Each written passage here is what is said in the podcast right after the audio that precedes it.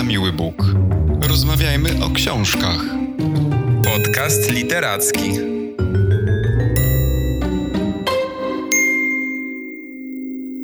Dzień dobry, witajcie w kolejnym odcinku Na Miły Bóg. Jesteście już pewnie przyzwyczajeni do tego, że mniej więcej między mną a Maćkiem jest taki podział, że ja zaczytuję się bardziej w reportażach i o nich opowiadam. Maciek z kolei jest sympatykiem e, fikcji literackiej i do tej pory to dobrze funkcjonowało, ale jesteśmy po lekturze książki Fakty muszą zatańczyć Mariusza Szczygła. I chcemy dzisiaj podyskutować o tym, jak cienka jest granica pomiędzy właśnie literaturą fiction i non-fiction i że warto sięgać po książki z jednego i z drugiego obszaru. A okazja ku dyskusji jest o tyle wyjątkowa, że jest dzisiaj z nami e, pan Mariusz Szczykieł, przede wszystkim reportażysta ludzkich historii, za które zresztą dostał wiele nagród literackich, w tym Nikę, ale też Europejską Nagrodę Książkową. Dzień dobry, panie Mariuszu. Kłaniam się. Dzień dobry panie Mariuszu, dzień dobry Kamilu. Witam słuchaczy i słuchaczki. Bardzo nam miło, że znalazł pan chwilę, aby z nami porozmawiać um, o swojej najnowszej książce. A dla tych, którzy tej książki jeszcze nie widzieli, nie słyszeli o niej, jest to esej o reportażach, tak możemy powiedzieć. Książka opowiada nie tylko o tym, czym jest reportaż, jakie są jego odmiany, kto pisał pierwsze, a kto najlepsze reportaże, bo i takie są fragmenty, ale także o tym, gdzie szukać tematów, jak zacząć, jak nie zaczynać też, z kim rozmawiać, jak to robić. I chyba to, co dla mnie było najciekawsze, jak pisać. E, ale zanim o książce fakty muszą zatańczyć. Panie Mariuszu, pan lubi tańczyć? No świetne pytanie. E, nie znoszę. Nie znoszę, słuchajcie, nie znoszę tańczyć. Zawsze sobie wyobrażam, że ja tańczę, a ktoś patrzy. I to jest straszne. A, a potem jeszcze ktoś to może sfilmować i, i, i, i puścić i, i wyemitować. Nie, nie znoszę tańczyć. Po prostu y, to jest, ja i taniec to jest, y, to jesteśmy nieprzyjaciółmi. O tak bym powiedział. Sądziłem, że powie pan coś przeciwnego. Może nie od razu, że jest pan mistrzem tańca albo że chciałby pan wziąć udział w tym znanym programie e, dla tańczących. E, ale w takim razie skąd ten tytuł i co on właściwie znaczy? Jeszcze mi się przypomniało, bo dzisiaj byłem na moim WF-ie, ja chodzę na WF dwa razy, w, dwa razy w tygodniu, tak. I właśnie mam kłopoty z koordynacją ruchów. E, jak coś robię jedną nogą, to już drugą nie, nie bardzo. I, I też powiem Państwu, że jak byłem chyba w drugiej, czy w trzeciej klasie podstawówki w Złotoryi mojej, e, to jako jedyne dziecko z całej klasy nie brałem udziału w takim przedstawieniu, które cała nasza klasa przygotowywała, gdzie właśnie y, tak staliśmy, staliśmy czwórkami i dzieci musiały, śpiewając piosenkę, tak omijać siebie, przechodzić, no robić takie jakieś, jakieś takie ruchy, ale bardzo proste ruchy, jak pamiętam. I ja jedyny się do tego nie nadawałem, bo w ogóle nie łapałem tych ruchów. Y, no może, może perwersyjnie użyłem słowa taniec mm, w tytule tej książki. Kiedy mi to przyszło do głowy? A, już wiem, już wiem, już wiem. Jedną z takich mm, moich y, kultowych wręcz bohaterek, to znaczy no dla mnie może też kultowych, ale, ale kultowych, jeśli chodzi o czytelniczki, mm, bo głównie kobiety się identyfikują z tą, z tą bohaterką, to jest Janina Turek. To jest taka pani, która występuje w mojej książce Kaprysik i to jest pani, która w wielu, w bardzo wielu zeszytach notowała wszystkie czynności, jakie wykonała w życiu. No, tworzyła taką księgowość swojej codzienności i te, i wszystkie banalne rzeczy zapisywała, każdej nadając numer. I, I postanowiłem do tej, e, do tej książki o reportażu y, wspomnieć tę bohaterkę właśnie i uzmysłowiłem sobie, mm, a właściwie uzmysłowiła mi to moja dawna szefowa Małgorzata Scheinert, że pani Janina Turek wszystkie te fakty, E, czyli, bo, bo każda z tych czynności była faktem numerowanym właśnie, takim, takim faktem prawdopodobnie, mm, e, no takim, nie, takim, takim twardym, nienaruszalnym, e, że wszystkie te fakty są traktowane przez nią bardzo demokratycznie. I, I, czytając te zeszyty, zeszyt o telefonach odebranych, zeszyt o telefonach nieodebranych, zeszyt y, o osobach widzianych przez okno mimochodem, o osobach spotykanych na ulicy, o książkach przeczytanych, o śniadaniach zjedzonych, kolacjach itd., itd., itd., że tak naprawdę każdy ten fakt jest traktowany bardzo demokratycznie przez panią Janinę Turek i że y, nie wiemy, który jest ważniejszy, który y, wpłynął na jej życie, a który y, był tylko jednym z setek tysięcy nieistotnych faktów, które ona zapisała. Nie wiemy, który wpływał na jej emocje. I, no, i mieliśmy po prostu takie, takim powiedział, marsz tam. To, to, była, to, to, to nie był taniec, to, to był marsz. E, wszystko, równo, prawda, w, w jednym szyku. I, a, a, te fakty, żeby ten reportaż mógł powstać, to jest tekst pod tytułem Reality, który podobno czyta się bardzo dobrze, nawet jak kryminał niektórzy mówią, to ja musiałem z tymi faktami pani Janiny Turek coś zrobić. E, musiałem je jakoś wydobyć, e, nadać im rangę, e, pozestawiać ze sobą, połączyć w pary. I właśnie w momencie, kiedy sobie uzmysłowiłem, pisząc, że ja te fakty łączyłem w pary, no to przecież tańce, taniec często jest w parze, prawda? Więc, więc przyszło mi do głowy, że te fakty musiały zatańczyć. I dopiero wtedy, dopiero wtedy mogły stać się reportażem, a tak to były, um, tak to były tylko bez taką, taką bezkształtną masą. I musi być ktoś, kto zagra y, muzykę, prawda? Musi być ktoś, kto, kto, kto chociaż puści tę muzykę, kto, kto yy, zacznie dyrygować orkiestrą, żeby fakty musiały zatańczyć. Wtedy dopiero powstaje reportaż. Same fakty nie są jeszcze reportażem.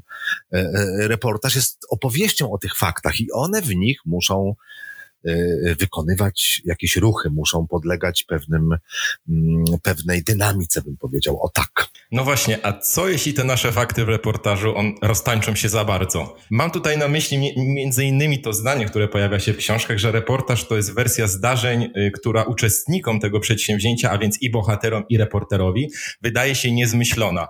I zastanawiam się, czy dla reportera trudnym zadaniem jest walczyć z tą świadomą bądź nieświadomą pokusą koloryzowania faktów. Wszyscy koloryzujemy i nie zdajemy sobie z tego sprawy. Oczywiście czasami sobie zdajemy sprawę, że mówimy coś, żeby, prawda, zrobić wrażenie na imprezie, na której yy, akurat stanęliśmy w kuchni przy oknie i wszyscy przyszli do kuchni i my coś opowiadamy, no i, chce, i, chcemy, prawda, żeby to nasza opowieść wygrała na tej imprezie.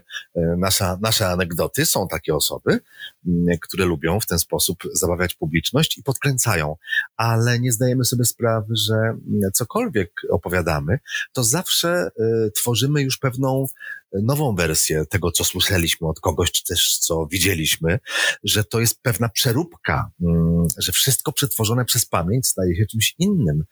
No i bardzo często e, reporterki, reporterzy stają przed e, takim pytaniem, e, zaraz tylko, czy to jest prawda, co mi mówił ten pan, czy ta pani, czy na pewno nie wymaga to sprawdzenia, a kiedy nie możemy sprawdzić i nie możemy, nie możemy zrobić żadnego fact-checkingu, bo to jest na przykład czyjaś opowieść z jego, z, z jego młodości i ciężko sprawdzić, bo, bo wszyscy nie żyją, a ktoś, z kim rozmawiamy, ma 80 kilka lat, no i musimy założyć, reporter nie jest sędzią, e, reporter zakłada uczciwość e, swojego rozmówcy.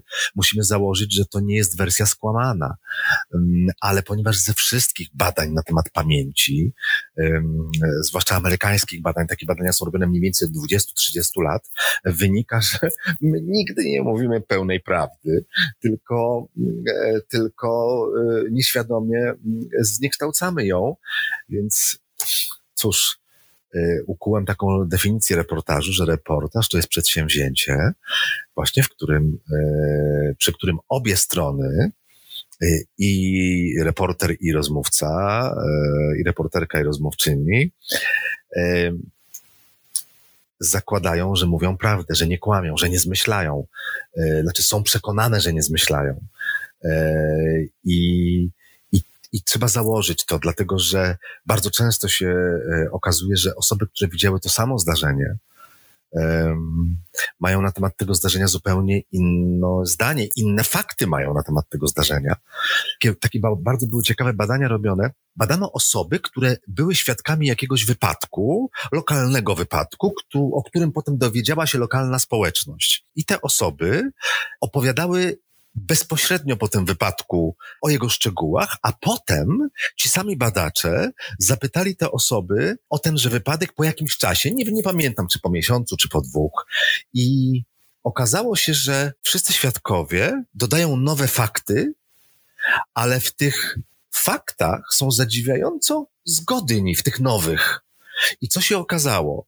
Wszyscy oni, ponieważ to była lokalna społeczność, korzystali z Facebooka, to było w czasach, kiedy jeszcze Facebook był popularny, korzystali z Facebooka, na którym omawiano ten wypadek, na którym różne osoby dodawały, dodawały szczegóły i w ten sposób ustalała się nowa wersja wiedzy, nowa wersja na temat tego wypadku. I potem ten naoczny świadek okazało się, że ileś tam procent tej swojej relacji opierał nie na tym, co naprawdę widział, tylko na tym, co sąsiad opowiedział o tym zdarzeniu na grupie dysku, w grupie dyskusyjnej. No czyli musimy o tym wszystkim pamiętać, że reportaż jest jakąś wersją pamięci jakichś ludzi na dany temat. Ale wspomniał Pan o tym, że może zaistnieć taka sytuacja, w której wszyscy będziemy świadkami tego samego zdarzenia. Załóżmy, że wszyscy troje znajdujemy właśnie ten sam temat, bo, bo widzimy to samo. Prawdopodobnie, a nawet na pewno, każdy z nas opisze je zupełnie inaczej. I czyja opowieść będzie w takim razie prawdziwa? Każdego. E, każdego, jeśli ten ktoś, ten opisujący, czyli ten, powiedzmy to medium reporterskie, e, jeśli uważa, że jest uczciwe to medium wobec siebie, wobec swoich zmysłów, wobec swoich oczu, swoich uszu, e, wobec swojego postrzegania. Jeśli, jeśli to medium, jeśli my reporterzy uważamy, że, że, że tak widzieliśmy, wtedy nasza opowieść jest prawdziwa, ale pana Kamila, który y, opisze troszkę inaczej to wszystko, też opowieść będzie prawdziwa, jeśli on uważa, że jest uczciwy wobec siebie i wobec tego, co, co zobaczył. O, o, o, zrobię taki, taki eksperymencik. Każdy z nas, i pan Maciej, i pan Kamil, ma za zadanie pojechać do Berlina. Mm, no, jeden z Was właśnie mieszkał w Berlinie, więc będzie wiedział, gdzie to jest. Na dawny dworzec lotniczy Tempelhof, czyli to jest w dawnym Berlinie Zachodnim, gdzie swego czasu, to było kilka lat temu, na dworcu Tempelhof utworzono e, obóz e, dla uchodźców z Syrii i z Afganistanu. E, I w tych e, e, przedwojennych halach kamiennych, w tym kamiennym budynku, w tych przedwojennych wielkich halach zrobiono takie boksy i jedna uchodźcza rodzina w takim boksie przebywa. No i powiedzmy, że pan Maciek idzie w lewo i będzie pytał te rodziny po lewej stronie, pan Kamil po prawej, a ja może się tymi na środku zajmę albo potem, a potem się wymienimy i będziemy, e, będziemy odwrotnie, pójdziemy w, w, w odwrotną stronę i wejdziemy do takiego boksu i spotykamy rodzinę, spotykamy matkę pięciorga dzieci, która jest tam, jest uchodźczyni z pięciorgiem dzieci, Syryjka czy też Afganka i zaczynamy z nią rozmawiać i, i o co by panowie pytali? Podstawowe pytanie to chyba, jak wyglądała podróż do Europy, w jaki sposób się tutaj pani przedostała, a potem zapytałbym o to, co jej powiedziano, czy powiedziano jej, co wkrótce się z nią stanie? Na przykład, że powiedziano jej, czy w tym obozie będzie tydzień czy dwa. Jak zarysowano jej przyszłość? Tak, i to jest drugie pytanie. Czy mamy jakieś trzecie jeszcze? Ja myślę, że zapytałbym o obecny stan, samopoczucie. Mhm. Jak się czuje w tym miejscu? Czy czuje się bezpieczna? Dobrze, uznajmy, że to są te trzy pytania podstawowe, a teraz y, gdybyśmy wymyślili jeszcze jakieś po jednym pytaniu, i pan Maciej, i pan Kamil, jakieś pytania takie, z, wiecie, no nie chcę je nazwać deserowe, ale powiedzmy, że to było danie główne i teraz jest nam potrzebny deser. Takie jakieś pytania dodatkowe jeszcze. No jeszcze bym zapytał panią o... Ja pewnie zapytałbym, czy mogę jej jakoś pomóc. Ja nie wiem, bo ja się e, lubuję w fikcji literackiej, więc pewnie bym coś tam nawymyślał. Panie Macieju, ale ja napisałem w tej książce Fakty muszą zatańczyć i dlatego rozumiem, napisałem, że reportaż to forma fikcji. Tam jest takie, takie moje zdanie, taka puenta jakiegoś, jakiegoś rozdziału. I rozumiem, że dlatego też pan się zaangażował w tę rozmowę, bo reportaż to forma fikcji. Dobrze to mniej więcej słuchacze wiedzą, o co byśmy e, pytali. Mm, e, no ja powiedzmy bym spytał, gdzie jest mąż? Czy on został i walczy, czy, czy żyje? Co, co z mężem? E, na pewno bym spytał o imiona dzieci prawda, i o ich wiek i tak dalej, pogadał o tych dzieciach. Dobrze. A słuchacze i słuchaczki nasi tam mają swoje pytania. Powiem, jak było naprawdę, bo w tym e, obozie była moja koleżanka, absolwentka naszej polskiej szkoły reportażu, e, Magda, Magdalena Nimer, i ona zadała tej pani takie pytanie.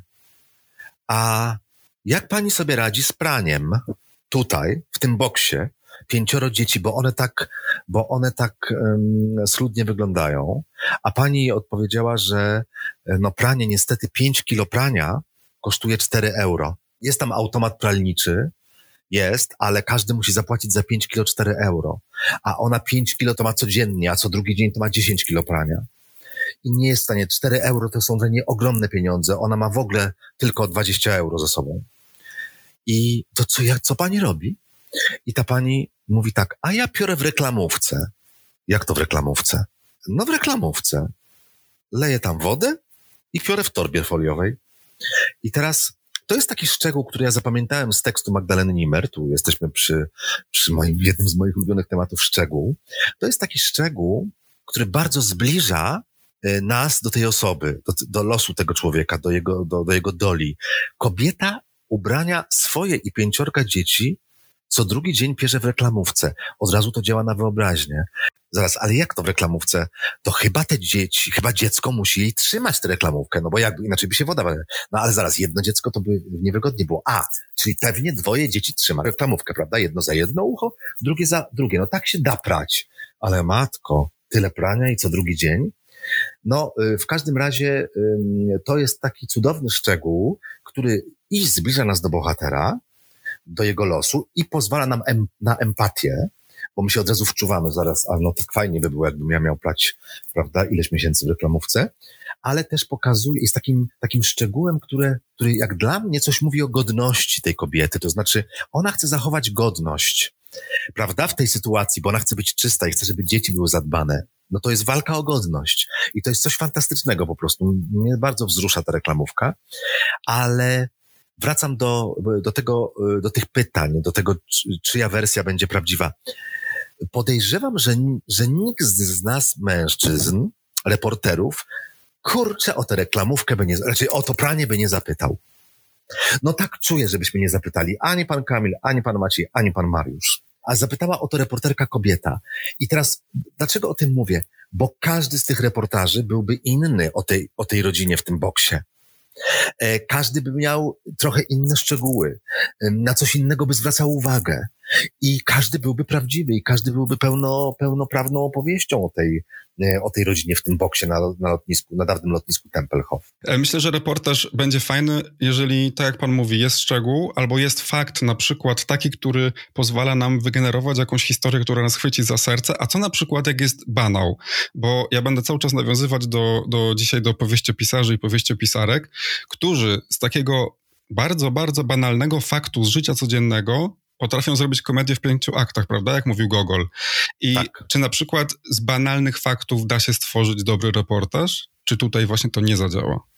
No głupio mi tak powiedzieć, ale y, o sobie, ale właśnie z banalnych faktów z życia Janiny Turek y, powstał reportaż pod tytułem Reality i y, minęło od jego wydrukowania 21 lat i naprawdę nie ma miesiąca, żeby mnie nie spotkała jakaś pani najczęściej, która mi mówi, że to jest o niej. Ja mówię, ale pani też notuje? Nie, nie, nie, nie.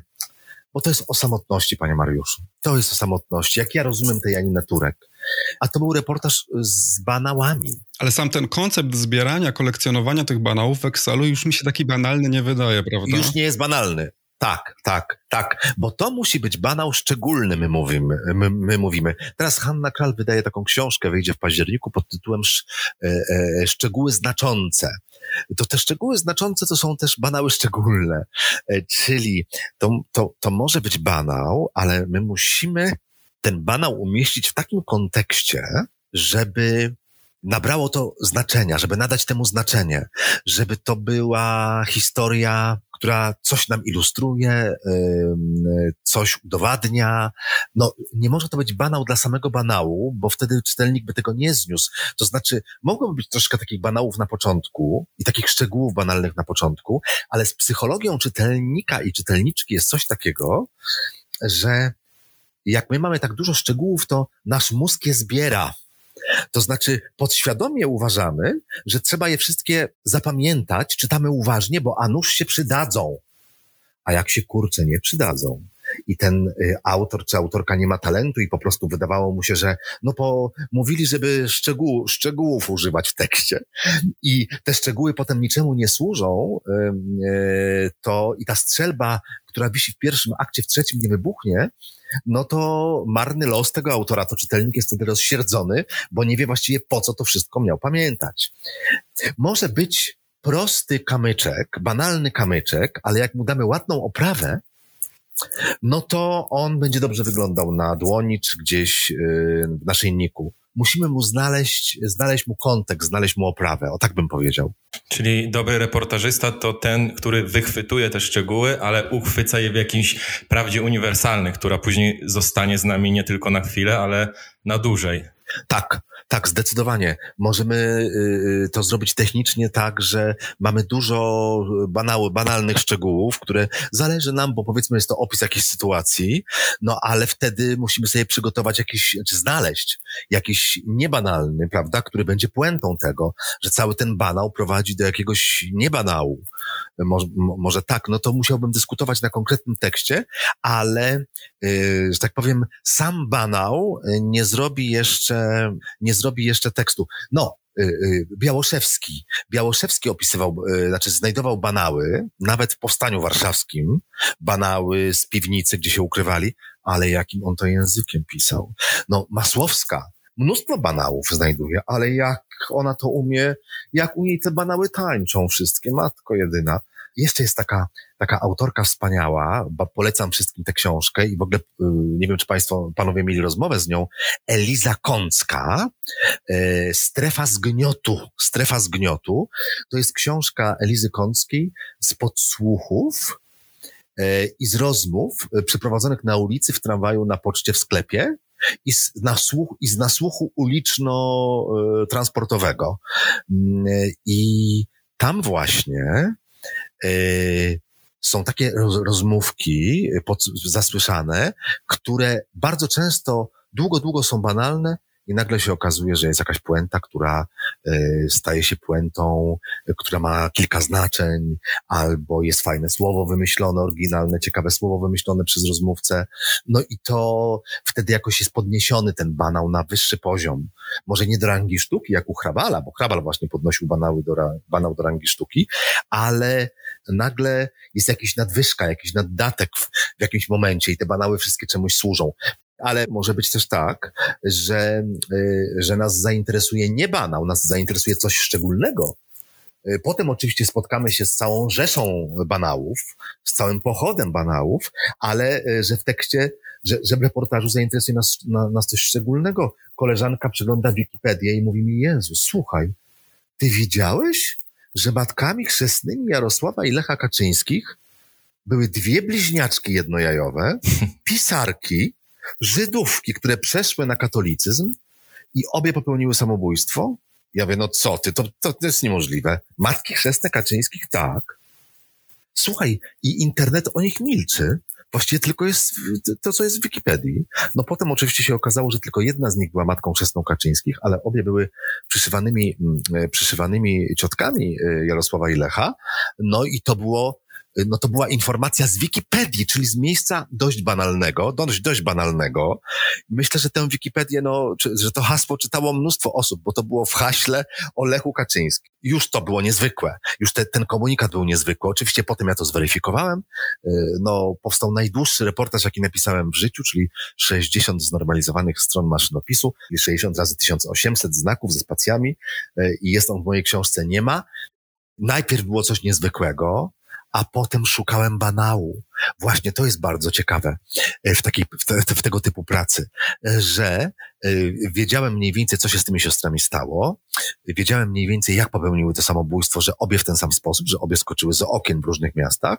Jedna nie mogła żyć bez drugiej, to wszystko bardzo pasowało do mojej książki, nie ma, ale potrzebowałem banałów z ich życia i szukałem ludzi, którzy by mi opowiedzieli, jak one, jak one żyły w Warszawie, mm, potem jak druga żyła w Londynie, ale, ale tak, no co robiły na co dzień. Właśnie szukałem banału i udało mi się znaleźć ten banał. Czekały na mnie listy, które jedna z tych sióstr pisała do swojej przyjaciółki przez wiele, wiele lat. Właśnie o banalnych sytuacjach z, jej, z życia jej i z życia siostry.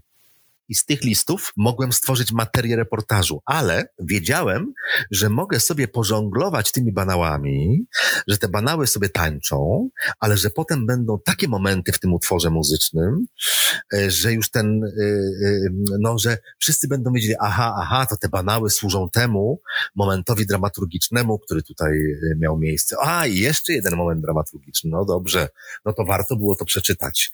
Więc, więc czasami znajdujemy banał, a czasami znajdujemy banał szczególny, a czasami znajdujemy coś bardzo, bardzo szczególnego. I wtedy szukamy banału do wypełnienia. Tak, może być taka kolejność, ale w tej historii to też szczegół rozpoczął e, całe zbieranie informacji. I teraz zastanawiam się, czy są takie tematy, które reportażysta, dobry reportażysta e, podejmuje, mimo że nie znajduje żadnego elementu, który go w tym temacie fascynuje, ale na przykład temat jest ważny z jakichś powodów w tym czasie, w tym miejscu dla danej społeczności i trzeba o nim napisać. Tak, są tacy reporterzy, są takie reporterki, ale ja nie.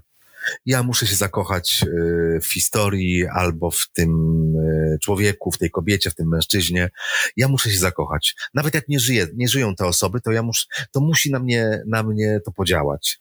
E, I e, oczywiście, kiedy pracowałem w Gazecie Wyborczej w latach 90., na początku lat 90., no to byłem, prawda, jednym z reporterów działu reportażu i dostawaliśmy tematy e, e, takie, które, które nas nie interesowały, ale trzeba było je wykonać. Na przykład, że w jakimś dworku rząd e, zorganizował przyjęcie bardzo ekskluzywne, no i się okazało, że wydano tam więcej pieniędzy niż wydano w tym samym czasie na jakieś tam inne potrzeby socjalne na to przyjęcie.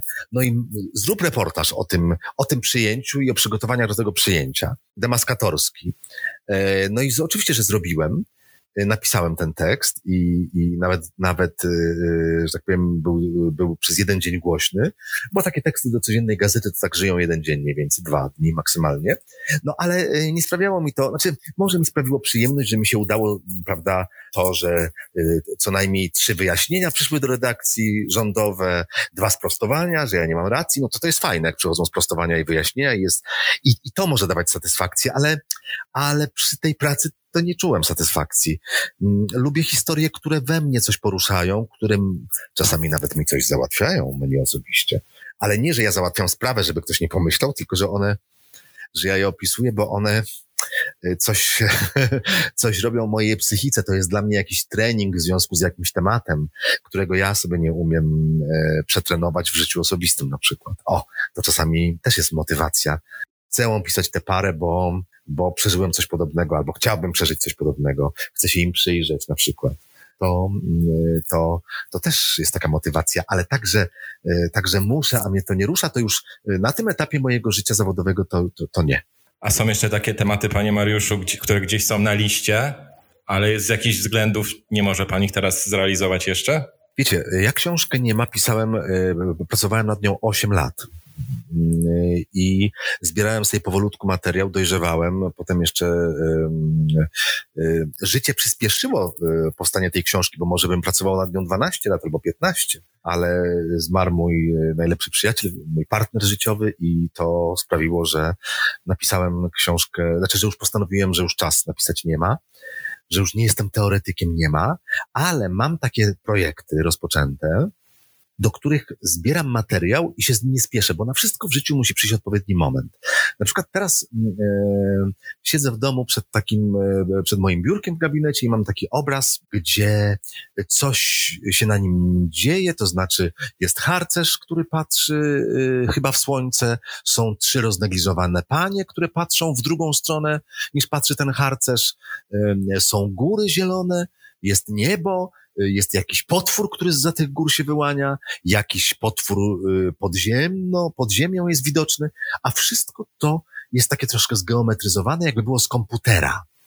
I na górze tego obrazu jest taki, taki jak to w PC tak dawnych, jak się ściągało coś, e, jak się pobierało coś, to był taki folder żółty, prawda? I drugi folder żółty i było widać, jak się, jak taka linijka leciała niebieska. Pamiętacie to z komputera? Tak, tak. Pobieranie w tle, prawda? Że przebiega pobieranie w tle. I ten obraz ma taki nieoficjalny tytuł, tak mi malarz powiedział. Malarzem jest taki graficiarz, taki street artowiec Simpson z Częstochowy. od niego to kupiłem. I ten obraz nazywa się Pobieranie w tle. E, prawda? Tu jest życie, tu gdzieś patrzy harcerz, tu panie e, szczęśliwe albo nieszczęśliwe, a coś się ciągle, kurcze, pobiera w tle. I wpadłem na pomysł, że ja w przyszłości napiszę książkę, taki, takie reportaże literacko-psychologiczne jak nie ma, e, tylko tytuł ich będzie brzmiał Pobieranie w tle. I że ja znajdę różne historie z tym pobieraniem w tle, bo w naszym życiu różne rzeczy się dzieją, a, a cały czas coś się pobiera w tle, a ktoś nam coś pobiera w tle, a my coś pobieramy w tle. E, ktoś może być szczęśliwy, y, y, pełen energii, wesoły, a jeszcze nie wie, że jakaś choroba go pobiera w tle. E, to, to mogą być bardzo, bardzo różne historie. I teraz przez najbliższe lata zbieram te historie e, do zeszytu. I, i to mogą być historie miłosne, to mogą być historie egzystencjalne, to mogą być historie kryminalne, ale wszystkie one będą miały wspólny mianownik popierania w tle. Czasami, ponieważ ja lubię stawiać wyzwania przed moimi czytelniczkami czytelnikami, y, będzie trzeba bardzo główkować, kurczę, ale o co mu chodzi? Co to jest to pobieranie w tle? Tak jak się główkuje przy książce, nie ma. Ci, co byli przyzwyczajeni, przyzwyczajeni do takich moich łatwych książek, typu, typu Zrób sobie raj, czy typu Gotland, czy Laska Nebeska, no to tak oczekiwali, że właśnie dam takie, prawda, pełnokrwiste anegdoty i już, i wiadomo o co chodzi. A tutaj w tym nie ma, ale o co tu chodzi? Jakie nie ma? Przeczytałem kilka stron, tu w ogóle nie ma żadnego nie ma. No pomyśl, y, może jest. Więc to pobieranie w tle jest taką, takim projektem, które, y, które jest na, który jest na przyszłość i ja szybko się za to nie wezmę. Jeśli, yy, prawda, yy, tak, ja tak planuję jeszcze z 10 lat się zajmować reportażem a potem już bym chciał tylko czytać książki, jeździć po świecie, no nie wiem, czy to wyjdzie, no to, to myślę, że za kilka lat dopiero z, yy, będę, będę pracował nad tą książką. Także z tymi, yy, ja już się ni, donikąd nie spieszę z tymi tekstami, także, także tak to jest. Jeszcze zanim przejdziemy do następnego pytania, bo tak wiele razy już padło Tytuł książki nie ma. Rozmawialiśmy oczywiście o pana książce i też szukaliśmy tego nie ma. Ach, to muszę odsłuchać, to bardzo jestem szczęśliwy z tego powodu. Ale jeśli będzie pan jeździł po świecie, na przykład już po zakończeniu pisania, to nie zniknie chyba panu ta ciekawość życia i ciekawość wobec ludzi, prawda? Bo pan to chyba od zawsze ma. Nie zniknie. Nie zniknie. E, mój prawie rówieśnik, reporter mojego pokolenia, założy, zakładaliśmy razem Fundację Instytut Reportażu, Wojciech Tochman, zaraził mnie Azją, południowo-wschodnią zwłaszcza. I namówił mnie i, i byłem tam trzy razy i w tych wszystkich krajach, e, Wietnam, Laos, Birma, Kambodża. No i ja nie znam angielskiego, znam tylko 10 słów po angielsku, a tym bardziej tych języków azjatyckich. Świetnie się tam czułem i wydawało mi się, że tam już będę tylko turystą. Tylko tym, który się przygląda, tylko no nawet nie podróżnikiem, bo to za dużo powiedziane, turystą. I Wojtek mówi tak, słuchaj, żebyś ty tylko żadnych tekstów nie, stamtąd nie przywiózł. Ja sobie myślę, no co on w ogóle mówi? Nie, nie musi się martwić, no przecież to jest jego rejon. E, to on pisze o, mm, prawda, z Filipin czy z Kambodży. E, e, no jak ja będę pisał? No co ja mogę napisać? Słuchajcie, jak otworzycie mój, moją książkę Projekt Prawda, to tam jest kilka tekstów z Kambodży i z Birmy i, i, i, i takie malutkie prawdy oczywiście, no ale udało mi się. Nawet ja w jednej, w jednej knajpie w Birmie na, na, na wybrzeżu, knajpa się nazywała Mon Malay, no to była taka knajpa, no taka i knajpa, i dom jednocześnie, i garaż, bo tam w Azji Południowo-Wschodniej to trudno odróżnić przeznaczenie y, budynku, y, i, ale była wspaniała atmosfera. No ja się dogadałem z tym właścicielem, on znał chyba mniej słów po angielsku niż ja, może on znał pięć, a ja dziesięć, i dogadaliśmy się na tyle, że on ze swoją żoną i ze swoją matką wpisywali mi do mojej komórki swoje imiona w transkrypcji łacińskiej on mi powiedział, co mam sfotografować u niego, co jest very important photo, że mam jego sfotografować na motocyklu, bo to jest najważniejsza fotografia. Stanęło na tym, że przywiozłem tekścik o, o prawdzie tego człowieka, którą ja wywnioskowałem z tego wszystkiego, co on mi mówił, e, prawda, że e, trzeba sfotografować figurkę taty, która tam była, no i to wszystko opisałem. Czyli nawet w takich miejscach, gdzie wydawałoby mi się, że nie, oj, nie znam angielskiego, a byłem w Nowym Jorku i napisałem kilka tekścików, bo przeżyłem tam takie sytuacje. No po prostu Ja jestem nałogowcem pisania. U mnie pisanie jest aktem, przepraszam za to słowo, fizjologicznym, intelektualno-fizjologicznym. Ale to ja już wiem, co pan robi na Instagramie i w mediach społecznościowych, bo ja zauważyłem, że pan strasznie, ale to naprawdę strasznie dużo tam pisze. No. E, bo ja też kiedyś prowadziłem kilka kont i wiem, jak dużo czasu kosztuje napisanie posta, a pan pisze bardzo dużo i się zastanawiałem dzisiaj, myślał pan kiedyś o tym, co pan zrobi, jak panu zamkną to konto? Ja właśnie jakiś backup powinienem robić, a nie robię. Ktoś mi miał powiedzieć, jak to się robi ten backup z, Instagrama i nikt, nikt mi jeszcze nie powiedział. Może po tej audycji ktoś do mnie napisze na Instagramie. E, słuchajcie, ja to piszę, to jest dla mnie bardzo łatwe pisanie. Mm, e, sprawia mi wielką przyjemność e, i ja sobie tak planuję, prawda, mniej więcej co napiszę dzisiaj, co napiszę jutro, co pojutrze, tak mam tam jakiś taki mały plan, ale czas, czasami życie weryfikuje ten plan. Natomiast a dlaczego mieliby mi zamknąć konto na Instagramie? Że coś przeskrobie, tak? Nie, to się po prostu zdarza czasami ja część tych tekstów, bo czasami to są takie moje wpraweczki, które ja wykorzystuję.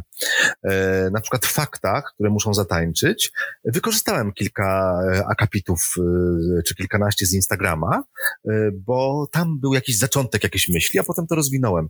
Natomiast, mm, a mnie byłoby żal tych ludzi, tych, tych kontaktów. To znaczy ja mam tam 136 chyba, czy 7 tysięcy followersów, followersek, e, czytelniczek, czytelników, może tak to tak powiedzmy.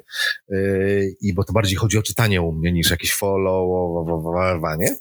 I E, I, I byłoby mi żal tej grupy, która dyskutuje tam ze sobą, która, której ja daję jakieś podniety, mm, jakieś, jakiś materiał do dyskusji. Tam, tam powstają całe koterie, e, e, prawda, frakcje, które głównie chodzi o dyskusje na tematy związane ze społeczeństwem, z człowiekiem, z sensem życia, e, ze sztuką, z literaturą, e, no czasami z polityką.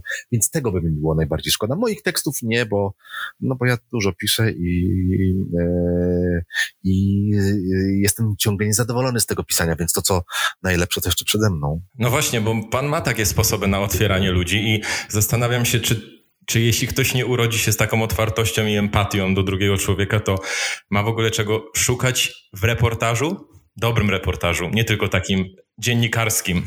To trzeba mieć wrodzone jednak, wydaje mi się. Znaczy, można nad tym troszeczkę popracować, może z jakimś yy, psychoterapeutą, czy też terapeutą, na przykład mm, w naszej mm, szkole reportażu, w Polskiej Szkole Reportażu przez kilka lat e, terapeutka Hanna Samson prowadziła takie zajęcia, na których nasi, nasze studentki i studenci dowiadywali się, jaki komunikat oni wysyłają sobą, bo ktoś, e, ktoś na przykład bardzo dobrze przygotowany do rozmowy, no idzie na, ten, na, na, na tę rozmowę, prawda? Ma napisać ten reportaż, wszystko wie o tym bohaterze, ma pytania, nawet ma te pytania napisane na kartce, i się okazuje, że nie przynosi, nie przynosi tego, co przynosi ten, co nie miał żadnych pytań napisanych na kartce.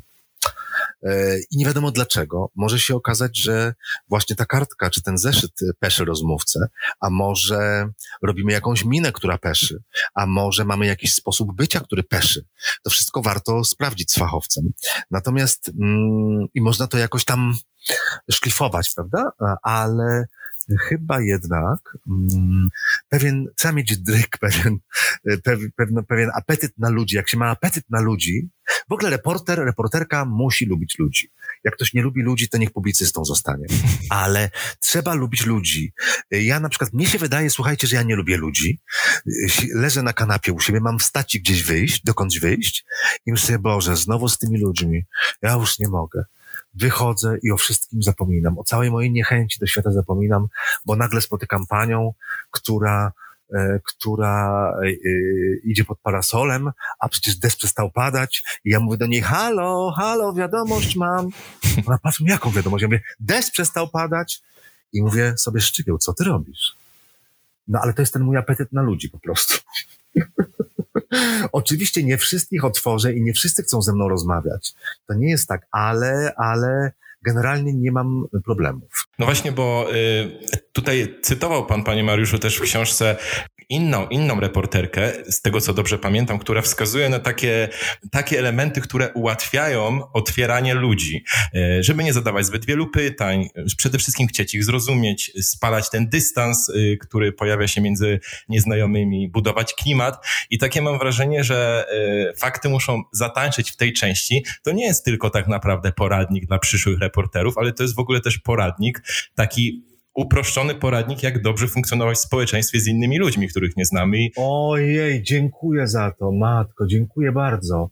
Oj, muszę to zapamiętać. Jeszcze nikt tego nie podjął, ale ciekawe. No powiem szczerze, panie Mariuszu, że y, y, generalnie często pojawia się u mnie prywatnie jakaś taka mm, myśl, że coś może mm, drugą osobę speszyć, może nie powinienem czegoś powiedzieć, a, bo ona to źle odbierze albo gdzieś ta rozmowa się nie rozwinie, a tutaj na podstawie tej przyszłej pracy reporterskiej analizuje pan w taki bardzo prosty, i trafiający sposób, jak w ogóle y, otwierać ludzi i z nimi tworzyć jakieś fajne relacje. Czasami, mm, czasami y, można w ogóle mało mówić, nie zadawać pytań mm, i, y, i to też bardzo dobrze robi, bo ten człowiek czuje, ważne, żeby się czuł bezpiecznie przy tym, przy tym reporterze. I jak się już czuje bezpiecznie, to już jest połowa sukcesu. Hanna Kral y, zawsze mówi, że, że trzeba słuchać, nie narzucać się ze swoimi pytaniami. Po prostu być otwartym na to, co ten bohater chce powiedzieć, bo jak my się narzucamy z pytaniami, to często, mm, to często robimy reportaż pod tezę, pod naszą tezę, bo nam się wydaje, że to ma być, yy, prawda, o, i to też wracamy do początku. E, ten, który dużo pyta, przywiezie inny reportaż niż ten, który pytał mniej. To nie znaczy, że ten, który pytał mniej, przywiezie gorszy. Nie, po prostu ten, który pytał więcej, nadał kierunek pewien tej historii. A ten, który pytał mniej, sprawił, że kierunek tej historii nadał bohater czy bohaterka, prawda? Także e, nawet pani Hanna Kal to powiedziała, pamiętam u nas na szóstym roczniku powiedziała, nie zadawajcie wielu pytań, to niezdrowe. I wie pan, że dzisiaj nam też taka, taka teza przyświecała trochę przed tą rozmową. E, jesteśmy świeżo w zasadzie po lekturze książki i, i kilka z tych rad e, dzisiaj postanowiliśmy przyjąć. Dziękuję, no ale też jeśli was coś, coś was bardzo ciekawi, to pytajcie. Ja jeszcze tylko powiem tak, że y, są bohaterowie, których właśnie y, nadmiar pytań speszy, bo nie wiedzą... Y, czy są w stanie odpowiedzieć, muszą się zastanowić. Dla naszych rozmówców, którzy y, są rozmówcami do naszych tekstów, czy też bohaterami tych tekstów, trzeba mieć czas po prostu. To nie można przyjechać na chwilę z kamerą, z mikrofonem, znaczy można, ale to wtedy mamy inny efekt.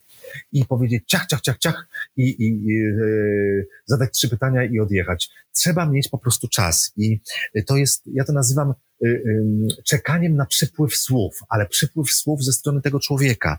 I Urszula Jabłońska, mm, teraz wydaliśmy w dowodach na istnienie książkę Światy wzniesiemy nowe o, o utopiach e, e, we współczesnym świecie, o takich utopijnych społecznościach. I ja ją pytałem, Ula, y, y, no jeździłaś do Ameryki, jeździłaś po Europie i te społeczności utopijne to są takie hermetyczne raczej.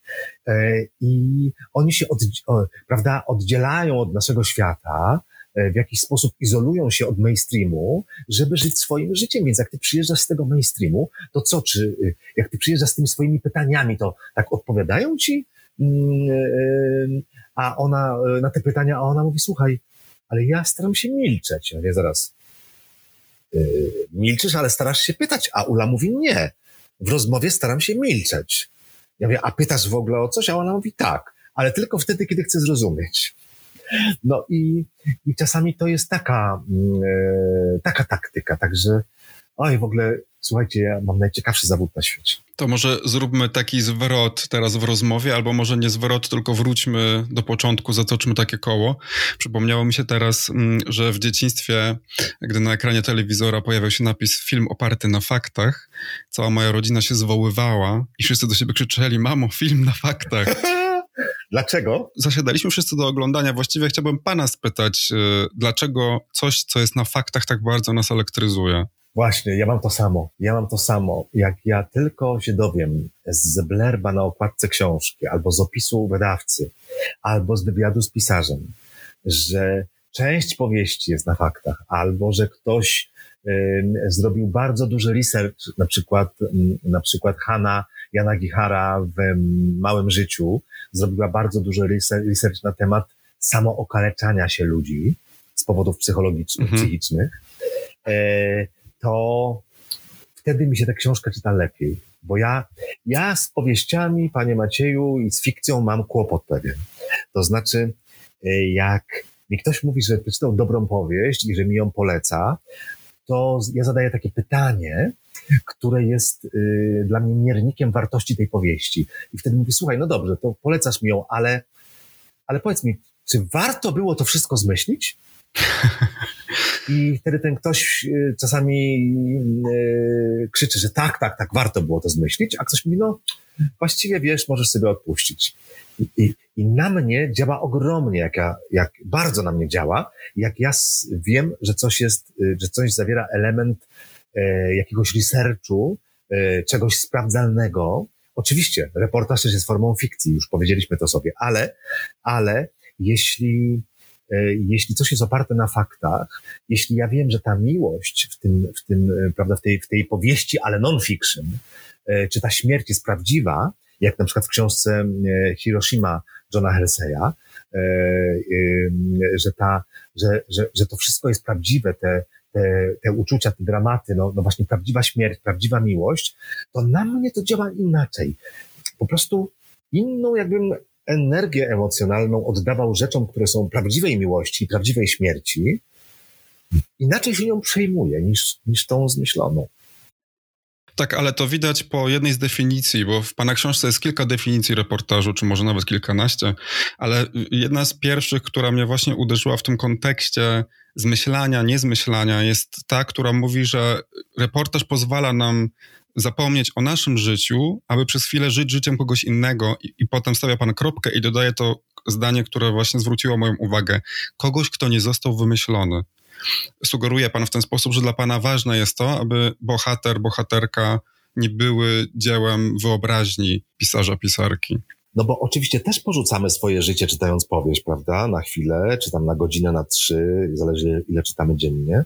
Też porzucamy swoje życie i żyjemy cudzym życiem ale w momencie, kiedy porzucamy dla kogoś, kto nie jest wymyślony i wiemy, że ten człowiek istnieje tam gdzieś i nawet umiemy sprawdzić na mapie, yy, a jeśli są jakieś bliższe dane, to możemy sobie w Google Earth znaleźć yy, dom tego człowieka, yy, bo też tak bywało, że tak w ten sposób szukałem, jeśli o kimś czytałem, no to, to wtedy mam jakąś taką satysfakcję, że ja przez chwilę byłem z tym kimś, kto naprawdę istnieje, że byłem w jego świecie, w jego prawdziwym świecie i dla mnie to jest jakieś połączenie, kurcze, metafizyczne, bo ono nie jest fizyczne, ale właśnie, o, tego nie napisałem w książce. To jest połączenie metafizyczne właśnie, że, że poza fizyką ja się z nim, z tym, z tym kimś, z tą osobą się łączę w jakiś sposób, jestem przez chwilę nim, zależy od, e, prawda, co tam reporter czy reporterka opisuje, czy, czy, czy jego pokój, czy jego ogród, czy jego celę więzienną, to ja jestem przez chwilę w tej celi, w tym ogrodzie, w tym pokoju.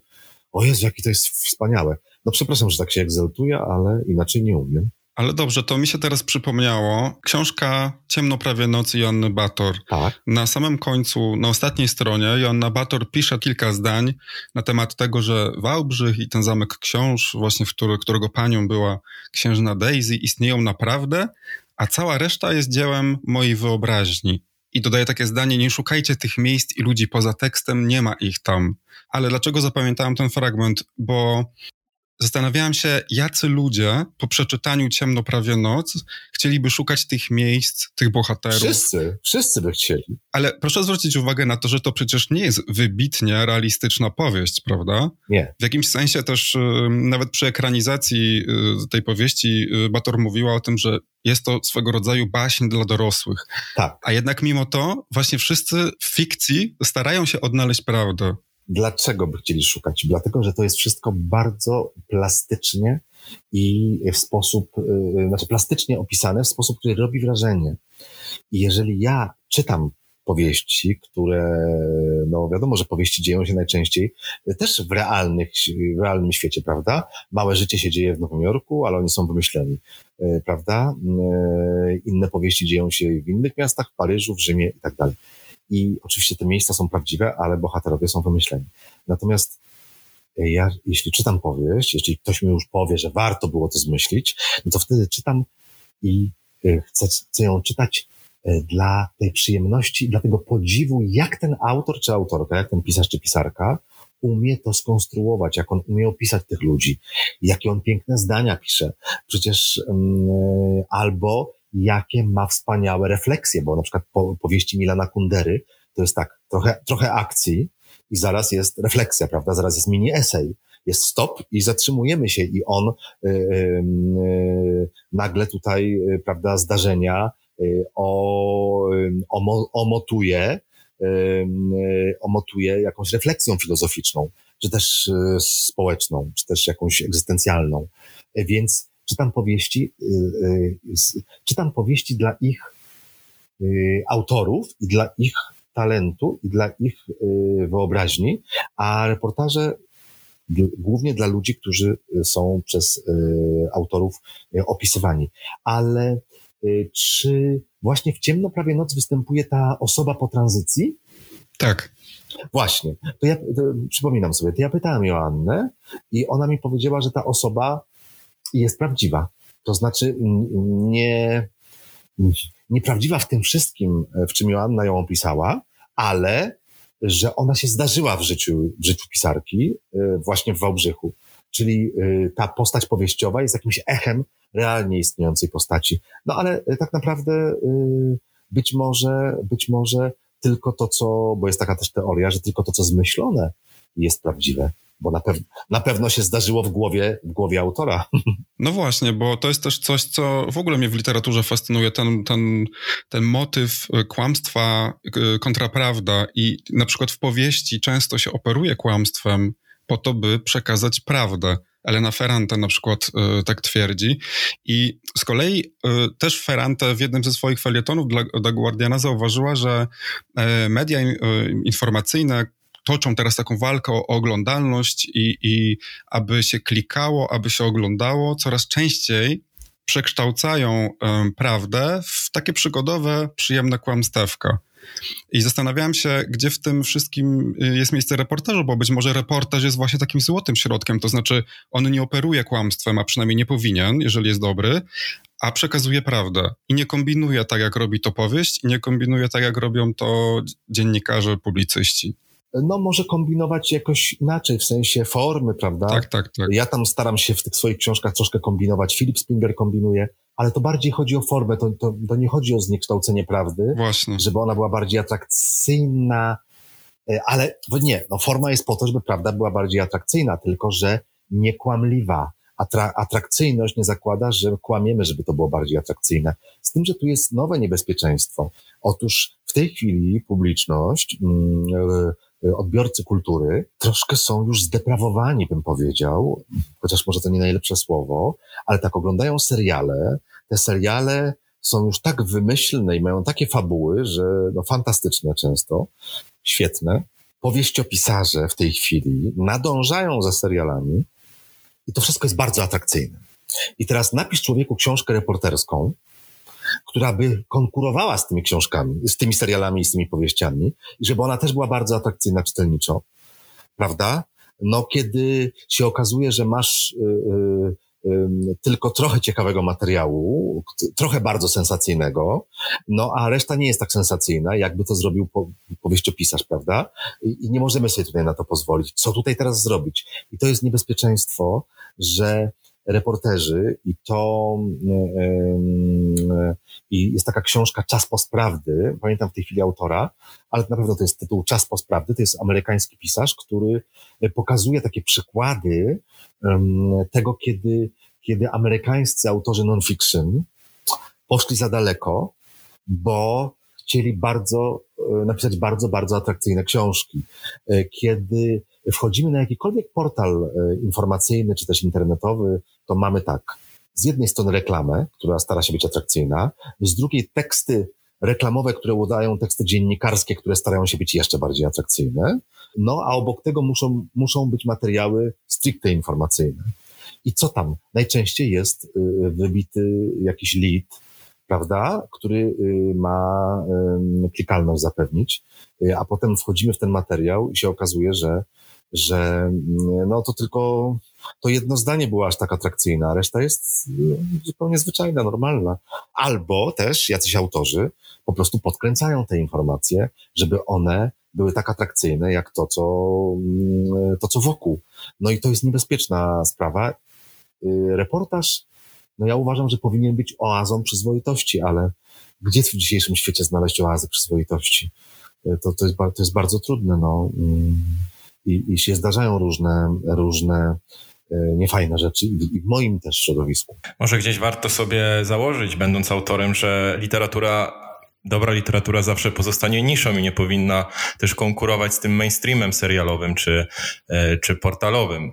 Wtedy jakby ta presja gdzieś pewnie maleje. No są tacy autorzy, którzy nigdy nie, nie moim zdaniem nigdy nie ulegną. E, na przykład ja bardzo cenię, e, uwielbiam taką książkę Włoskie szpilki Magdaleny Tulli, to są opowiadania. No i Magdalena Tulli, trudna pisarka, włoskie szpilki są najłatwiejsze z jej twórczości moim zdaniem, ale to jest trudna pisarka i ona na pewno nigdy, nawet kosztem yy, yy, prawda, sprzedaży, kosztem honorariów nie ulegnie, yy, nie ulegnie tej, temu ciśnieniu wzorców i nie będzie się ścigać z nikim.